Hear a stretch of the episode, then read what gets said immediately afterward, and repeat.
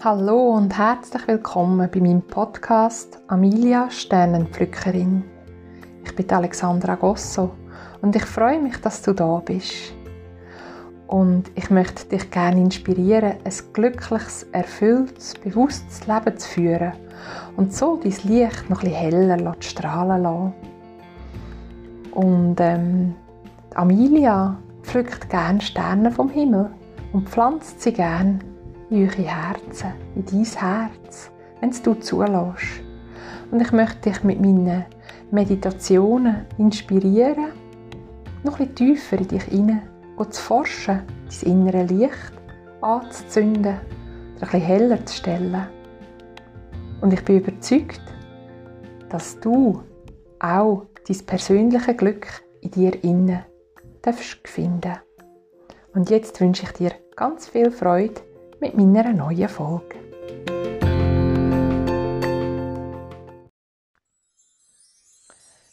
Ja, das Thema, das ich heute gewählt habe, ist das Thema Aktivier dein energetisches Schutzschild. Und ich meine damit so deine Energie, die in dir und um dich herumfließt. Und ähm, wir alle Menschen sind mit einem Schutzschild umgeben. Das ist unsere Aura, unser Leuchtkörper, der uns umgibt. Und die Aura, das Schutzschild, ist je nachdem, wie es uns geht und je nachdem, was wir machen, ähm, stärker oder schwächer. Und im Moment, an diesen trüben Nebeltagen, wo es kalt ist und ja, keine Sonne zu uns vordringt, ist es manchmal noch schwierig, das Schutzschild ähm, aufrechtzuerhalten. Und ich möchte dir da ein paar Tipps geben und eine kurze Meditation mit dir teilen, wie du das Schutzschild wieder kannst aufbauen und dich umhüllen mit einem Schutzmantel, wo dich von allem, was im Aussen auf dich hineinprallt, kann abschirmen und so du einen gesunden und kräftigen Alltag kannst leben. Und es ist spannend, ich habe schon ein paar Mal ähm, den Versuch gemacht, ich habe von meinen Teilnehmerinnen, ähm, die an meine Meditation kommen, ähm, die Aura gemessen vor der Meditation.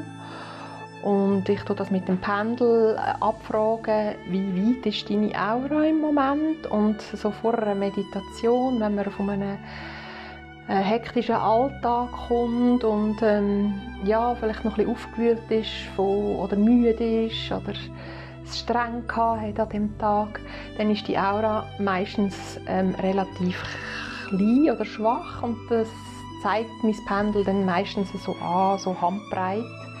Haben wir einen Schutzmantel um uns herum und ähm, nach einer Meditation messe ich dann auch nochmal ähm, von meinen Kursteilnehmerinnen die Aura und dann kann es sein, dass die sich ausweitet bis auf einen halben Meter, bis einen Meter. Optimal ist es, wenn ähm, die Aura so, so weit um dich herum ist, wie wenn du deine Arme ausstreckst und du dich quasi könntest, ähm, einhüllen, mit, in eine Seife blättern, ähm, durch das, dass du mit deinen Händen einen Kreis um dich herum. Ja, und ich finde das unglaublich spannend, wie schnell man da die Aura kann wieder ähm, verstärken und wie einfach das, das ist. Und trotzdem braucht es Bewusstsein, dass man die Aura eben hat und dass die Aura eben uns schützt und umgibt. Und ähm, nebst dem, dass du durch Meditation und durch achtsames Schnaufen oder ähm, achtsame Techniken sehr gut ähm, die Aura kannst, ähm, stärken gibt es auch ganz, ganz Haufen Möglichkeiten, das auf andere Wege zu machen, sei es in die Natur spazieren, was eine unglaubliche energetische Wirkung auf uns hat, uns das auffüllt, also unser Akku auffüllt, unsere unsere Kräfte auffüllt, dann Musik hören, singen, tanzen, all diese musischen Sachen, die sind auch genauso optimal für uns und unser Rundum. oder wenn du die Möglichkeit hast, für fröhliche Runden in einer guten Gesellschaft zu sein, ähm, kreativ sein, zu malen, zu basteln, mit den Kindern etwas Tolles kreieren, in der Weihnachtszeit schöne Sachen dekorieren oder gestalten. Und so hast du eigentlich auf ganz viele verschiedene Möglichkeiten beim Sport, kannst du sehr gut auch ähm, deine Energie aufladen. Und wirklich gibt ganz viele verschiedene Möglichkeiten. Du merkst eigentlich meistens dann, wenn du nach etwas, wo du da hast, dich gut fühlst, dann hast du auch deine Aura gestärkt.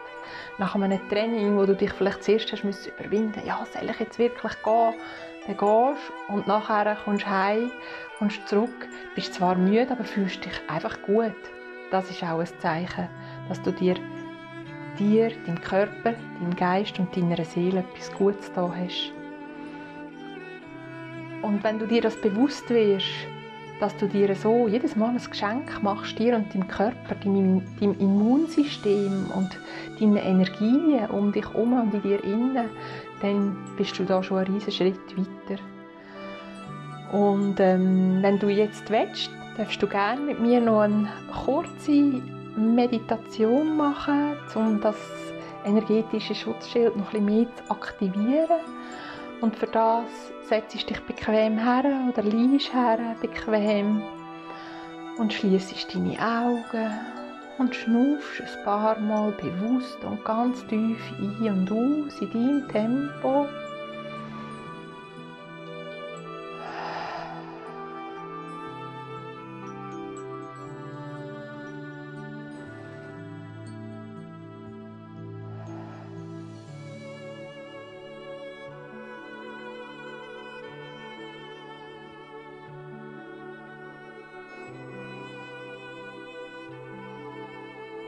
Jetzt mal wahr, wie du ganz präsent wirst, wenn du deinen Fokus plötzlich nach innen kehrst, in dich hineinschaust und in dich hineinatmest.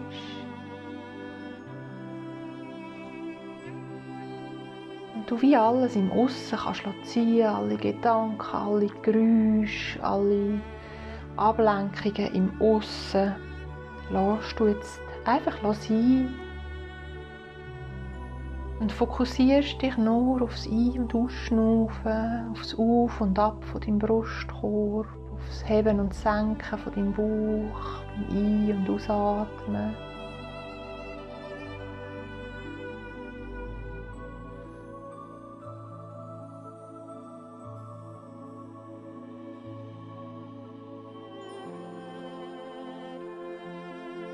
Und jetzt bringst du deine Aufmerksamkeit mal in deinen Kopf. Versuchst, dein Gesicht und alle Muskeln in deinem Gesicht zu entspannen. Mit jedem Atemzug, vor allem mit jedem Ausatmen. Lass du die Stirn runzeln los, Kiefer locken, die Augen ganz schwer.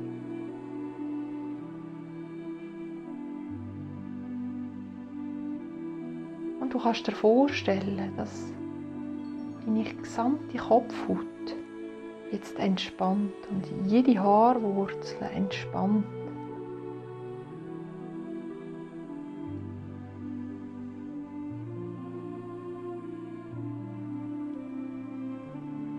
Du kannst dir jetzt vorstellen, wie oft im Kopf oben eine Leuchtkugel sitzt. Die Leuchtkugel strahlt wie eine Sonne von deinem Kopf nach oben.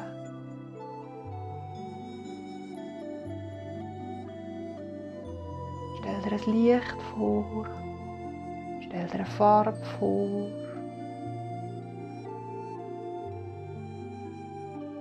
Und da oben an deinem Kopf strahlt und leuchtet.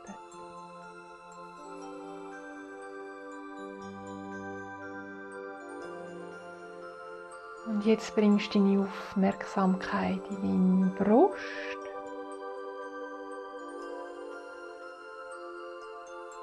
bewusst schnaufst zu deinem Herz, in dein Herzraum.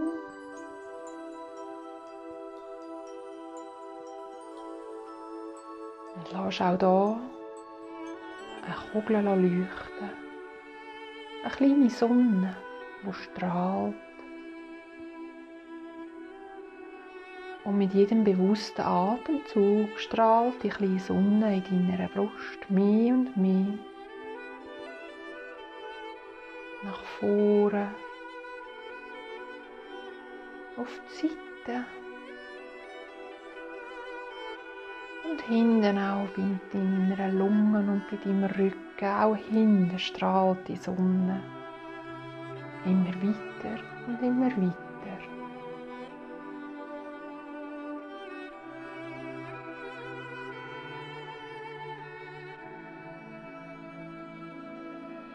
Und jetzt bringst du deine Aufmerksamkeit in deine Füße. Und stellst dir vor, dass auch da Strahlen oder Wurzeln von deinen Füßen ausgehen. Und richtig Boden strahlen. Aber auch bei deinen Beinen rundherum sich das Licht oder die Strahlen oder die Farbe ausbreitet, immer mehr und immer mehr.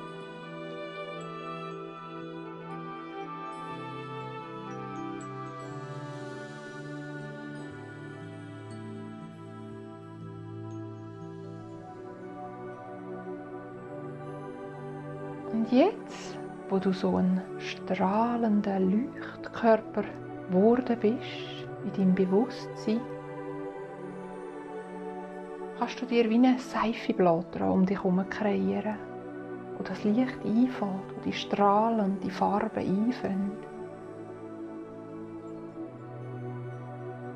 Und du jetzt umgeben bist von einem wunderbaren, zauberhaften, magischen, kraftvollen Energiemantel. Bleib noch für ein paar Atemzüge in dem wunderbaren Gefühl, so geborgen zu sein. Dich so beschützt zu fühlen. Dich so resistent zu fühlen. Dass alles Negative vom Aussen einfach an dieser Schutzhülle abprallen kann. Und du in vollkommener Sicherheit bist bei dir dein Körper heil und gesund und voller Energie und Kraft ist.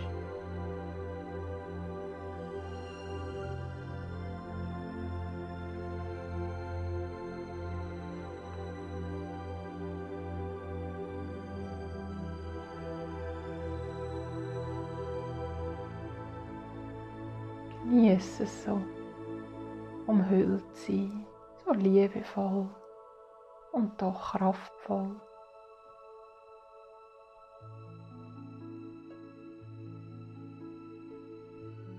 Und vielleicht kannst du die Energie und die Kraft, die Liebe auch später einem anderen Menschen weitergeben, was es gerade nötig hat. Weil du kannst dein Schutzschild immer und immer wieder auffüllen, aktivieren und verstärken. So wie wir es jetzt gerade zusammen gemacht haben. Und jetzt schnaufst du noch zwei, drei Mal tief ein und aus. Und wenn du parat bist, kommst du langsam wieder zurück ins Hier und Jetzt und öffnest deine Augen. Kannst dich vielleicht auch ein bisschen strecken und spüren, wie du jetzt energetisch aufgeladen bist und dich fit und stark fühlst für den weiteren Tag.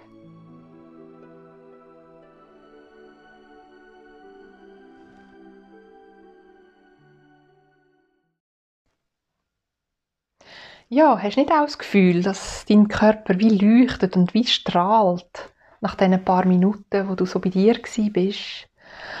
Und ähm, ich finde das eine wunderbare Möglichkeit in der momentanen Zeit und auch sonst, dir einfach etwas Gutes zu tun. Und eben, wie gesagt, das Gute und die gute Energie auch kannst du jemandem weitergeben. Jemandem muss vielleicht gerade nicht so gut gehen, oder? Wo nicht fit ist. Und ja, ich freue mich sehr und danke dir von ganzem Herzen, dass du wieder dabei gewesen bist. Ich hoffe, dir hat es gefallen. Ich würde natürlich riesig freuen, wenn ich von dir höre, wenn du mir schreibst.